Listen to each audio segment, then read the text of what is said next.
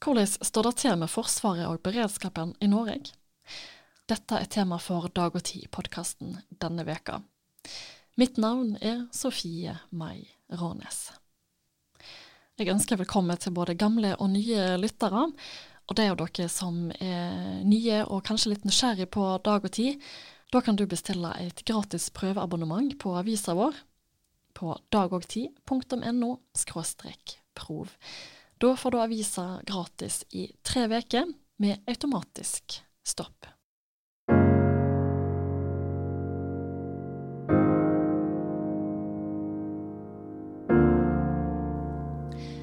Forrige uke la Forsvarskommisjonen fram sin innstilling, og kommisjonen den slår alarm.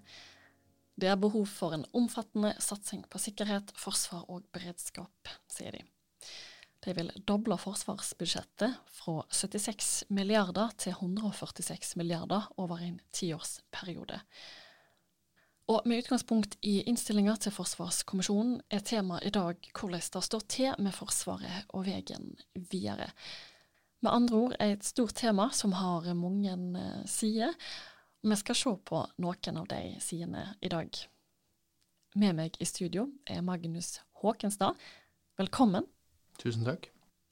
Du er forsker ved Institutt for forsvarsstudier og har arbeid med tema som langtidsplanlegging i forsvarssektoren, det nye totalforsvaret og forsvarsomstilling, mellom annet. Og du har lest denne rapporten, og leser den som at Forsvarskommisjonen mener at Forsvaret ikke virker. Kan du utdype hva det er som gjør at du leser innstillinga på den måten? Uh, ja, det, det, kan jeg gjerne. Altså, det er klart en sterk påstand å si at Forsvaret ikke virker. Uh, og selvfølgelig er det jo mye som virker, og mye som er bra, og mye som uh, går i orden til det daglige. Men kommisjonen peker på en, veldig, en, stor del veldig alvorlige ting.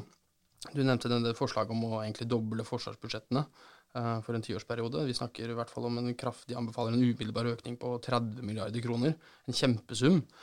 Når forsvarsbudsjettet er 76 milliarder kroner i dag. og de pengene er jo tenkt til å gå til å liksom opprette opp de umiddelbare feilene og manglene i det forsvaret vi har nå, sånn at det kan virke som forutsatt. Og når man da sier at det mangler ammunisjon, folk, reservedeler, utstyr til en sum av 30 milliarder kroner i året, så sier man også at uh, vi har ikke det forsvaret i dag som vi har vedtatt at vi skal ha, og som folk har fått god grunn til at vi skal ha. Og det er egentlig veldig alvorlig. Så vi har egentlig ikke hatt et velfungerende forsvar på flere tiår? Jo da, altså det, det, fungerer veldig bra til det Forsvaret driver med til daglig. Eh, men det som nå har kommet veldig klart i relieff, er at det er igjen eh, i løpet av det siste året blitt et relevant spørsmål hvordan vil Forsvaret virke hvis det faktisk blir krig. Eh, I morgen eller om fem eller ti år. Og Der har kommisjonen sett på saken og kommet fram til at der er det veldig lite å gå på. Der er det store mangler. Forsvaret er ikke rigga for å slåss over noe tid. sånn leser jeg kommisjonens rapport. Men du nevnte da at det er 30 milliarder som mm. de egentlig vil, som, som, ja, som de trenger da for å faktisk fungere. I første omgang. I første omgang. Er det bare penger som skal til for at forskere, Forsvaret skal bli uh, velfungerende? Nei, altså det nytter ikke bare med penger, uh, men du kommer nok antagelig ikke noen særlig vei uten mer penger heller. Og en god del av de problemene som Forsvaret har, og de manglene som kommisjonen påpeker, så er det først og fremst penger som mangler. Det handler rett og slett om å, å gå og kjøpe ting. Uh, og fylle opp lagrene. Uh, og skaffe en del ting som alle er enige om at Forsvaret egentlig burde ha nå. Men det er jo litt, litt sjokkerende at, at, det ligger så dårlig an, da. Kan vi skylde på politikerne, eller har vi på en måte bare levd i en sånn drømmeverden? Nei, man har ikke det. Og, og det, er, eh, det, er, noe som jeg for så vidt opplever at Forsvarskommisjonens leder Knut Storeberg er opptatt av. Det er å unngå uh, syndebukkjakten. Uh, fordi dette her er jo resultatet av en utvikling som har pågått over ganske lang tid, eller i de siste tre tiårene. Uh, og alle, så godt som alle store, eller alle norske politiske rikspartier har hatt fingrene med i disse beslutningsprosessene opp igjennom, sitte i regjering eller sitte i Stortinget og, og vedtatt langtidsplanene. Um, og så er det ikke sånn at det ikke har blitt gjort noe. Uh, det forsvarsbudsjettet som vi har uh, nå, på 76 milliarder kroner i året, det var jo på for tolv år siden så var det på ca. 40 milliarder kroner. Så, okay. så det har vokst. eh, Rundt 2010 så begynte det en snuoperasjon hvor, hvor forsvarsbudsjettene egentlig har hatt ganske god vekst. Uh, og man har gjort mye på øving og på beredskap og samvirke med allierte, og eh, var tidlig ute, var Norge egentlig med å vende oppmerksomheten vekk fra internasjonale operasjoner i Afghanistan og mot problemer i hjemmeregionen. Eh, Der har Norge vært en pådriver i Nato for at Nato skal ta, ta ja, trusselen fra Russland mer på alvor. Da.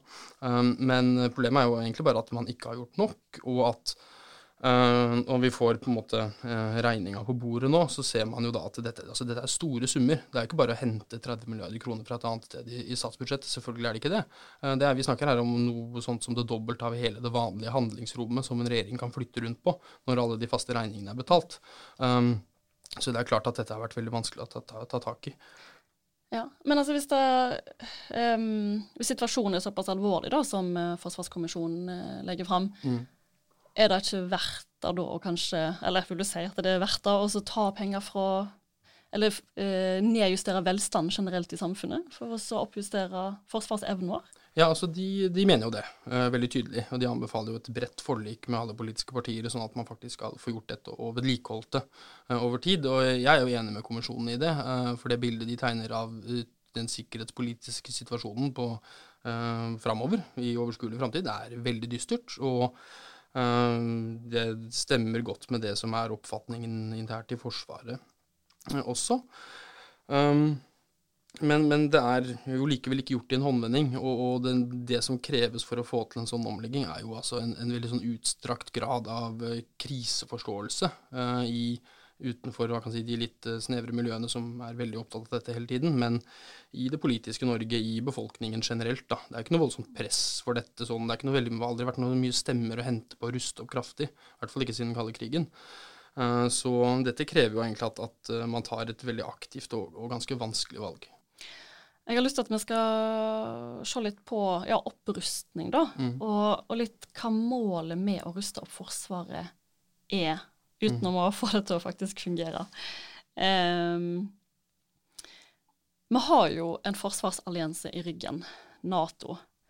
En sterk forsvarsallianse. Um, hvorfor er det så viktig at vi må ruste opp Det er jo egentlig for å gjøre, dra vår del av lasset. Eh, Fordi den alliansen jo, består jo av en masse land eh, som skal hjelpe hverandre. Og det er avhengig av at eh, man, landene faktisk er i stand til å hjelpe hverandre. Eh, Og det er en forpliktelse som ligger i Nato-traktaten. at Alle Nato-land skal ha et minimum eh, av forsvar og være i stand til å ivareta eh, visse grunnleggende funksjoner. eh, Og bruke en viss andel av eh, en viss sum, dvs. Si en viss andel av BNP er det målet man har lagt seg på. 2% er liksom målet for å eh, være, være med i klubben. Eh, og hvis noen land bruker mindre, eh, så betyr det at andre må bruke mer. Og, og det er jo eh, den fella Norge er i fare for å gå i, er jo å framstå som et veldig rikt land. Som har grense til Russland, er mer utsatt militært enn ganske mange andre Nato-land, eh, men som samtidig er helt avhengig av at noen kommer og hjelper oss. Eh, altså at vi skal ha hjelp fra allierte som ikke er så rike som oss, eh, eller som har veldig mange andre forpliktelser. Og den eh, Det tar seg ikke veldig godt ut. Eh, og så er det jo sånn at eh, det er som jeg sa, det er, det, er, ikke lett å bare omdisponere sånne summer på statsbudsjettet. Og det er ikke bare å ta penger fra oljefondet uh, heller. Det, vi har jo handlingsreglene av annen grunn. Vi kan ikke bare tømme det og bruke det på alt vi har lyst på. Uh, men uh, så, så der må vi jo være kreative og eh, langsiktige. Men, men det, det holder ikke det når du kommer til disse utlendingene som vi faktisk krever og forventer hjelp av.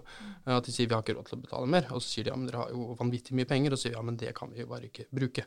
Eh, Da, da framstår du egentlig eh, ganske usympatisk. Nå er ikke du som skal bestemme hvor pengene skal komme fra, men eh, har du gjort deg noen tanker om eh, hvor, eh, hvor en kunne spart litt? Så Nei, det overlater jeg til andre å svare på. Så. Ja. Et spørsmål som er litt sånn eh, litt digresjon, kanskje, men eh, den, viktigste, den viktigste medlemmen i Nato er jo USA. Mm. Um, og de har jo en eh, ja, hva skal vi kalle det for? Et, en liten utfordring da, i, med Taiwan og Kina. Mm. Um, og vi har jo òg sett at politikken der er litt eh, du har Trump, eh, og mange vil kanskje se på han som litt ustabil. Um, hvor, lurt, hvor lurt er det av Norge å fremdeles, ha, fremdeles stå sterkt sammen med Nato? Kunne ha vært et alternativ, f.eks.? Og, og, og hatt en styrka slags skandinavisk-nordisk forsvarsallianse staden for? Altså, for å ta det siste først, nå er vi i ferd med å få det, uh, ved at eh, Finland og forhåpentligvis snart Sverige faktisk er med i den samme alliansen som oss. Uh, så da har du jo egentlig en, en militærallianse i Norden, som en del av en mye større allianse. men det du peker på med USA, er jo en, en virkelig en hovedbekymring, fordi USA har jo vært, er akkurat som du sier, det aller viktigste Nato-landet. Eh, de har vist, det siste året har vist hvor ekstremt viktig USA er når det gjelder å dra lasset og ta ansvar for europeisk sikkerhet. Eh, der virker det ikke som europeerne selv er i stand til det. Um, og uh, det har jo for så vidt vært, um, vært situasjonen hele tiden, men etter den kalde krigen så har egentlig virker det som det har økt, fordi de europeiske landene har bygget ned sin egen forsvarsevne såpass mye. Um, det, så, så, vi er avhengige av USA. og, og den, det foreligger jo ikke egentlig noen plan om å kunne klare oss helt uten, men det som er viktig, er jo nettopp fordi, som du sier, USA har forpliktelser overalt. De har allierte i Asia, de er veldig bekymra for Kina. Eh, de har en, det er fullt mulig, og det er noe nytt, det er fullt mulig at uh, ved det neste presidentvalget så får USA en president som i beste fall ikke er så interessert i disse Nato-greiene, og i verste fall egentlig syns at Russland er mye kulere enn oss. Og da har vi et kjempeproblem. Um, og da blir det i hvert fall viktig å om vi ikke liksom klarer å, å, fikse alt selv, så overbevise amerikanerne om at vi er med og drar lasset, og at de ikke må betale en uforholdsmessig stor del av prisen. Mm. Um, det er mange som, uh, som, som ville se Det er en del som sikkert ville se på det som positivt hvis, hvis vi ble helt uavhengige av amerikanerne eller slapp være med den alliansen, men det vi skal huske på, er at, at Nato, sånn som det opprinnelig ble konstruert, var jo ikke USAs, noe USA fant på for å dominere Europa militært. Nato var noe europeerne veldig gjerne ville ha i stand for å sikre seg amerikansk beskyttelse. Og amerikanerne har hele tiden vært veldig opptatt av at de ikke vil ha gratispassasjerer, og at europeerne må være i stand til å eh, dra en stor del av lasset selv.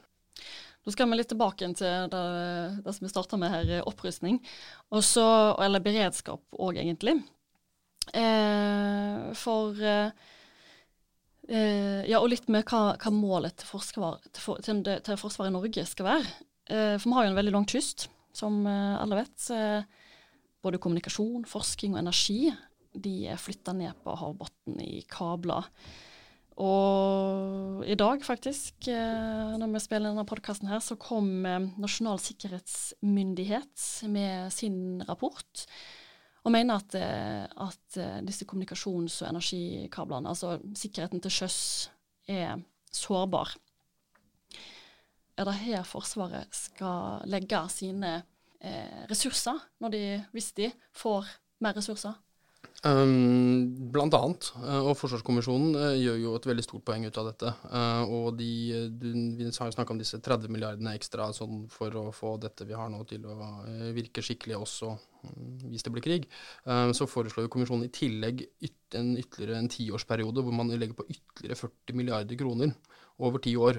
og den, det er en satsing som de først ser for seg først og fremst skal gjelde det maritime. Altså ikke bare Sjøforsvaret. Eh, Luftforsvaret f.eks. også er veldig viktig når det gjelder sjøovervåkning og sånn. Eh, men argumentasjonen der er at det er jo så viktig at det er så stor andel av Norges verdiskapning. Uh, olje og gass primært, men også fisk og uh, transport. Altså Norge er helt avhengig av import over sjøen for at samfunnet skal gå rundt. Så, så kysten og havet utafor er helt avgjørende for Norge. Det blir enda viktigere når Sverige og Finland kommer inn i Nato for, for øvrig. Men, og der er jo problemet at vi har jo ikke et apparat, militært eller sivilt, som er rigga for virkelig å beskytte disse uh, enorme verdiene. Um, og det er jo noe de tar til orde for å, å, styrke kraftig. Sånn som det er nå. Nå er jo vi uh, en helt sentral leverandør av energi til Europa. Takket være norsk gass så har man klart seg ganske greit uten russisk gass, som har vært veldig viktig uh, det siste året. Og Eh, det, nå passes jo dette på av jo, det norske sjøforsvaret, Kystvakten og sånn, men også mange allierte skip da, som er med på dette. For de er også avhengig av det. Men der vil nok forventningen være, særlig siden vi håver inn masse penger på å selge den samme gassen, uh, vil jo forventningen være at vi er i stand til å sikre denne forsyningssikkerheten. Det er liksom, dette er et av vårt aller viktigste bidrag til resten av Europa. Uh, hvis vi ser på forsvaret av Norge, det er jo ikke nødvendigvis bare krig som er en stor trussel. Det kan være andre ting. Vi har jo hatt pandemi og naturkatastrofer. Lista er lang. Mm. Um, og når jeg satte meg ned her for å forberede noen spørsmål uh, når jeg skulle intervjue deg, så ble det sånn Hva er det egentlig Hva er det egentlig jeg lurer på, tenker på forsvarsevnen til Norge? Er det kun militæret vi kan lite på? Altså Hvordan er disse her strukturene satt sammen i Norge for både beredskap og, og forsvar?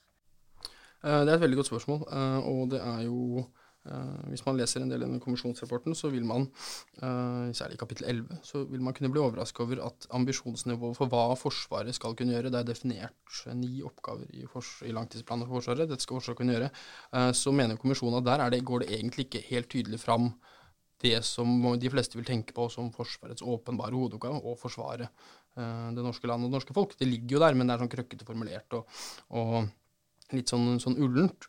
Eh, så kommisjonen tar jo til orde for å tydeliggjøre dette. At eh, forsvaret av Norge er Forsvarets hovedoppgave. Og er litt, der er Forsvaret den sentrale uh, etaten. Uh, forsvaret av Norge mot ytre trusler mot andre stater. Uh, men Forsvaret skal ikke gjøre det her alene. og uansett hvor stort Forsvaret er, og hvor mye penger Forsvaret får, så vil ikke Forsvaret være i stand til å gjøre det alene. da er det egentlig to ben man hviler seg på. Det ene er jo alliansen, som vi har snakket om, og det andre er jo det såkalte totalforsvaret. Uh, som er et, uh, en samlebetegnelse for nesten egentlig all beredskap i Norge.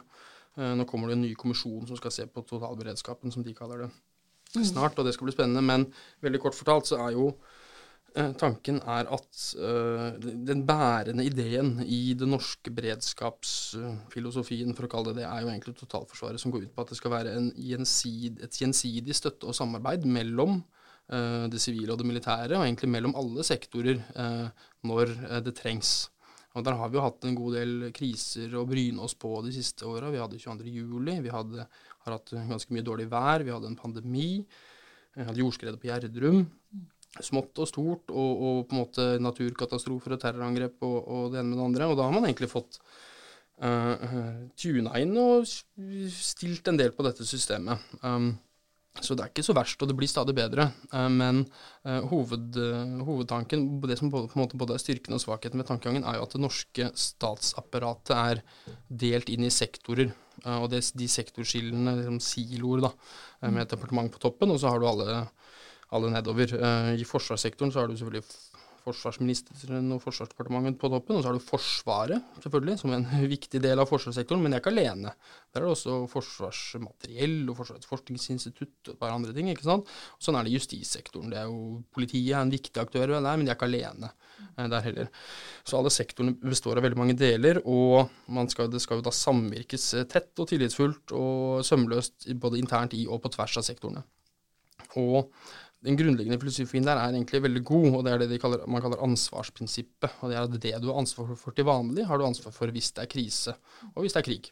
Uh, og det er veldig fornuftig. For å ta et forsvarseksempel, da, så er det ok hvis uh, Norge må heve beredskapen og det er en militær trussel, eller hvis det blir krig, da. Så er jo en viktig del av planen vår å få masse forsterkninger. Amerikanere og tyskere og nederlendere skal komme og hjelpe oss da.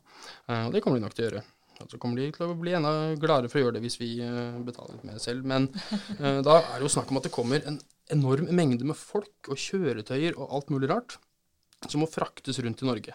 Når Sverige ble med i Nato, så nå er det jo veldig aktuelt at de skal komme til i havn i Norge, og så skal de fraktes inn i Sverige. da. Og Det vil jo i stor grad måtte skje med jernbane.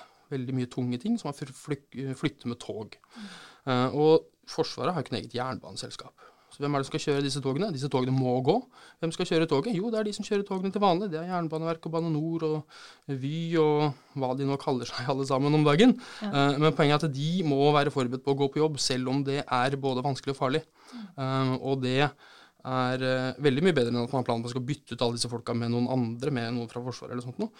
det er ikke noe god idé. Men, men, problemet er jo da at det er ikke sikkert at alle disse er klar over det, eller at det står i kontrakten. At det er faktisk forventninga.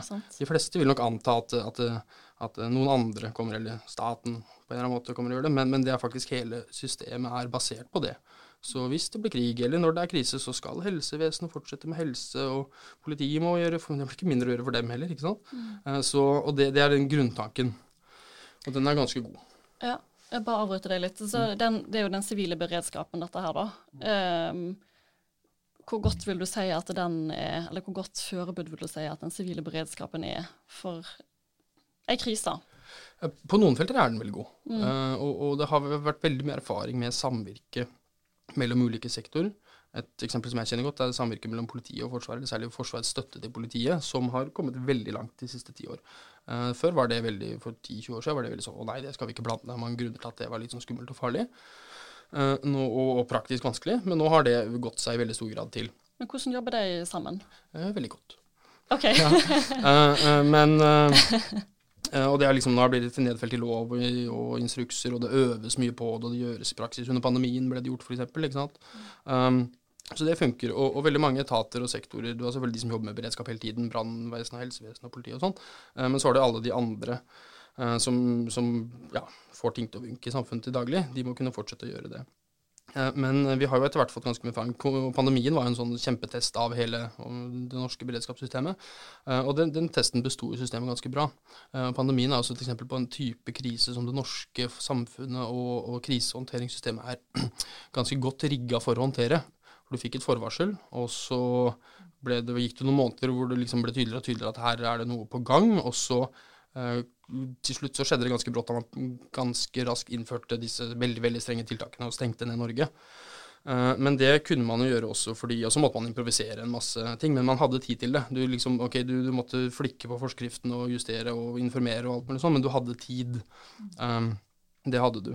Eh, så det er en type krise som egentlig det norske beredskapssystemet er godt egnet for. Gjerdrum-raset er en annen type hendelse som også, eh, hvor apparater, redningsapparatet beredskapsapparatet fungerte veldig godt. Um, men en type krig, da, eller en plutselig sikkerhetspolitisk krise, eller noe som fordrer at man må heve den militære beredskapen, og at mange sivile instanser må støtte Forsvaret, det, sånn- det kan skje veldig brått, og da er det ikke sikkert du har tid egentlig til å gå, la ting gå seg til.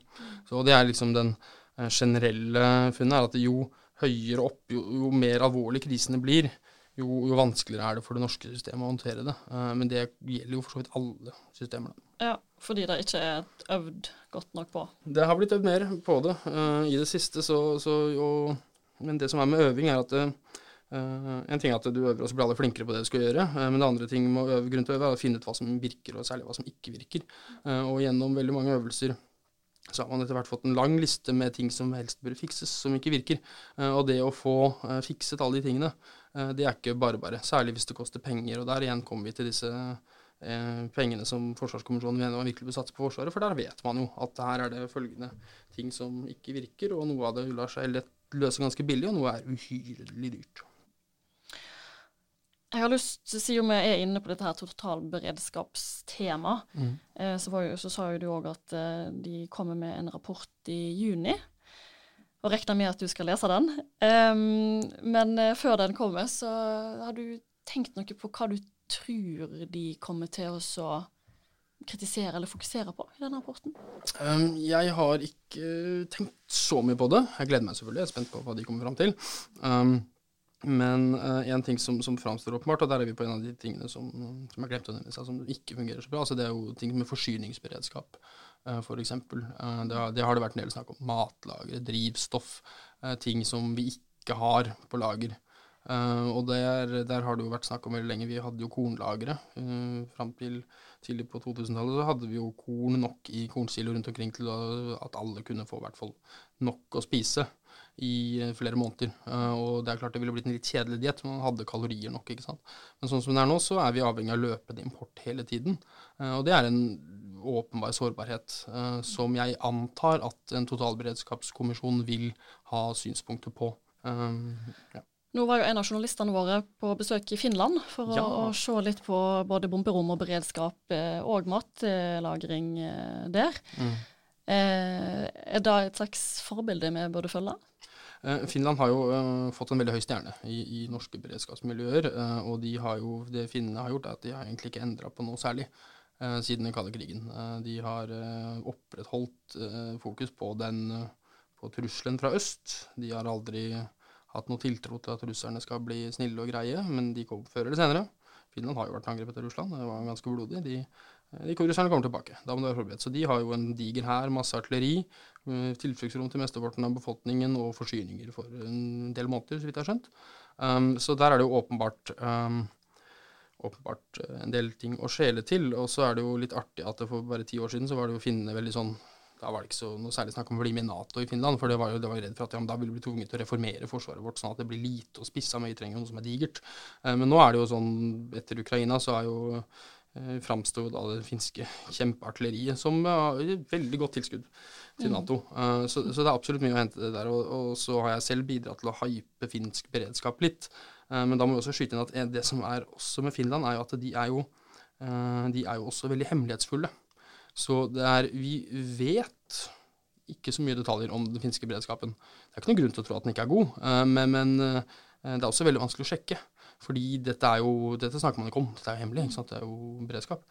Så det skal bli veldig interessant å se når vi nå etter hvert skal virkelig begynne å øve og planlegge med våre nye allierte Finland, hvor mye de tør å fortelle oss. For vi har en annen kultur en åpenhetskultur, særlig rundt, rundt, sånne ting som Forsvaret. ikke sant? Du har jo folk i Forsvaret som skriver kronikker i Aftenposten om hvor dårlig det står til med luftvernet. Mm. Hvis en finsk offiser hadde gjort noe sånt, så hadde han jo mista jobben på dagen.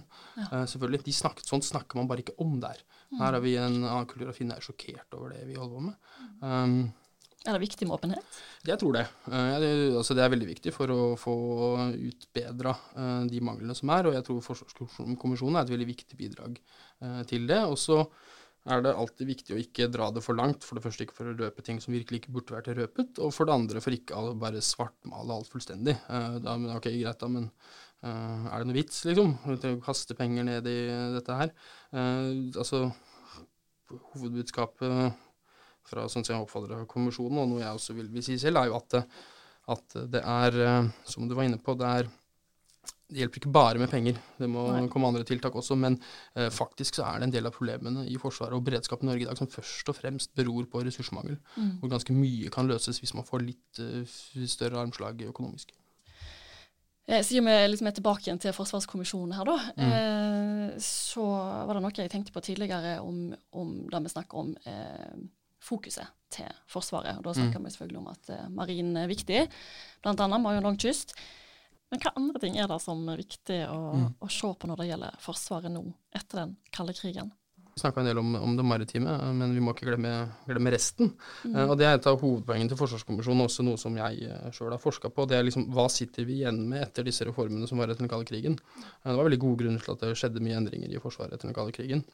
Det man har lykkes med i veldig stor grad, det er å beholde bredden i Forsvaret. Dvs. Si vi har et komplett forsvar eh, som inneholder alle de elementene som et moderne forsvar trenger. Hær, sjø, luft, etterretning, samband, ubåter, kanoner og elektronikk og cyber og det er ikke måte på. ikke sant? Vi har alt sammen.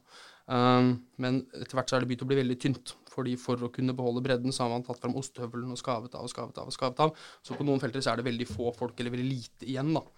Uh, så lite at uh, den, det ikke er mye å gå på hvis det faktisk må slåss, hvis folk begynner å falle fra. Sånn nå, men den store fordelen med det er at det er jo et veldig godt utgangspunkt for å bygge det opp igjen. Og styrke det. For du har liksom kjernen til det aller, aller meste av det du trenger. Så da, ved en innsats, så er det mulig å styrke det ganske betraktelig. Og mye mer om du, enn om du måtte begynne å lage store, viktige ting og bygge opp hæren fra scratch. Du trenger ikke det, for den er der fortsatt. Den er bare ikke stor nok. så da ansett flere folk, kjøp mer ting, øv masse, så, så blir det bra. Ja, jeg synes Vi begynner å avslutte her med en sånn litt mer positiv innstilling til, til Forsvaret og til fremtida. Eh, jeg har bare et par spørsmål igjen. Eh, og Det ene er Altså, Vi deler jo ut fredsprisen i Norge. Eh, og det blir jo sagt at krig ikke er veien å gå. Er det ikke feil, på en måte sånn, å nå skulle vise styrke med våpen og, og soldater, i stedet for med fredsskapende tiltak, da, som samarbeid og handel og sånne ting?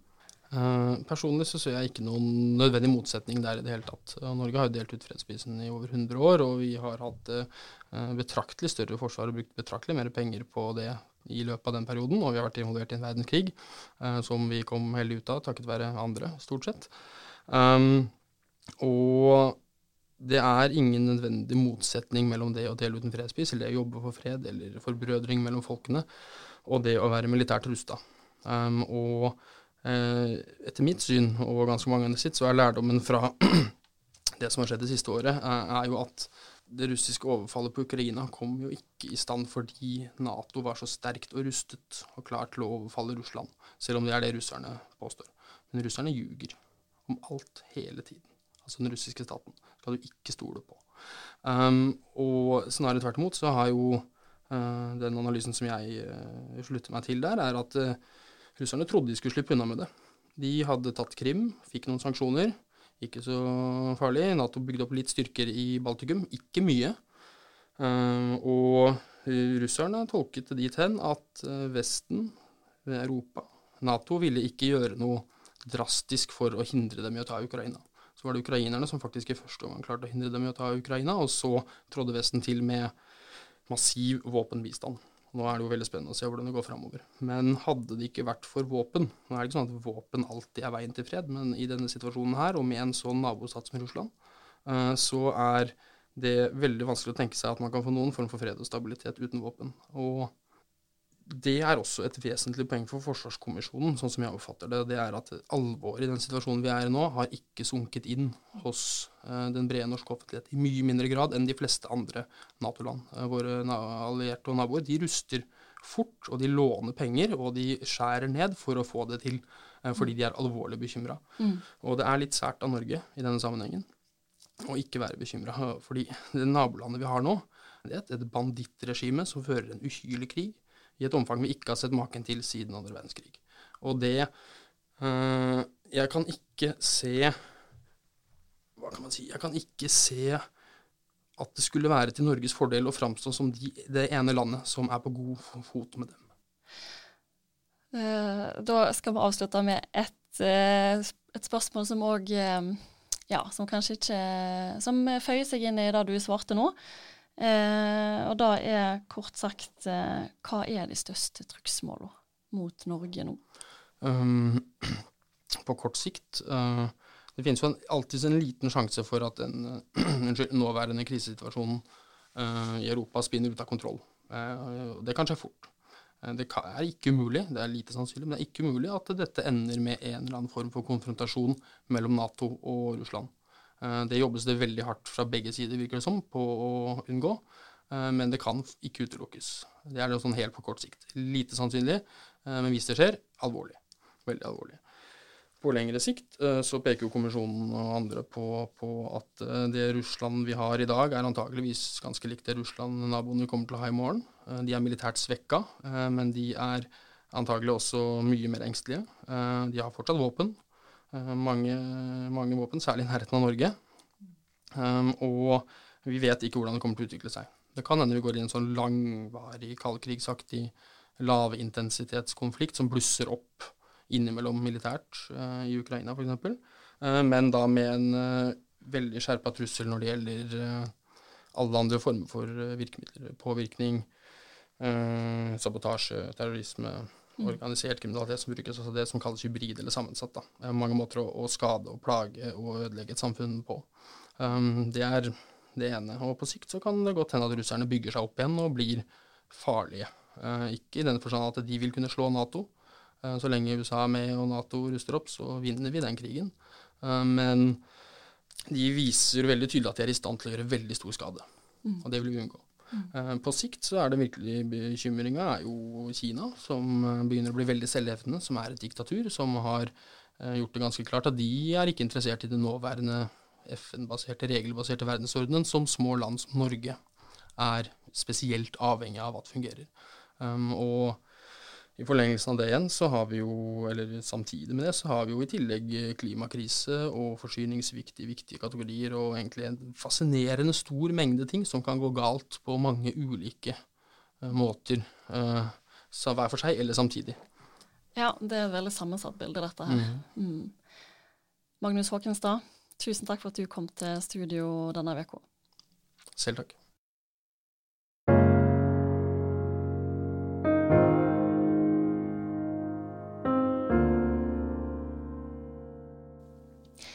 Du lytter til Dag og Tid-podkasten.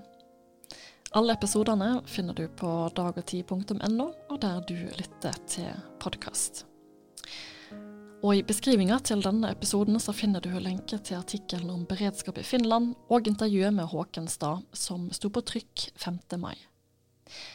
Takk for at du lytta.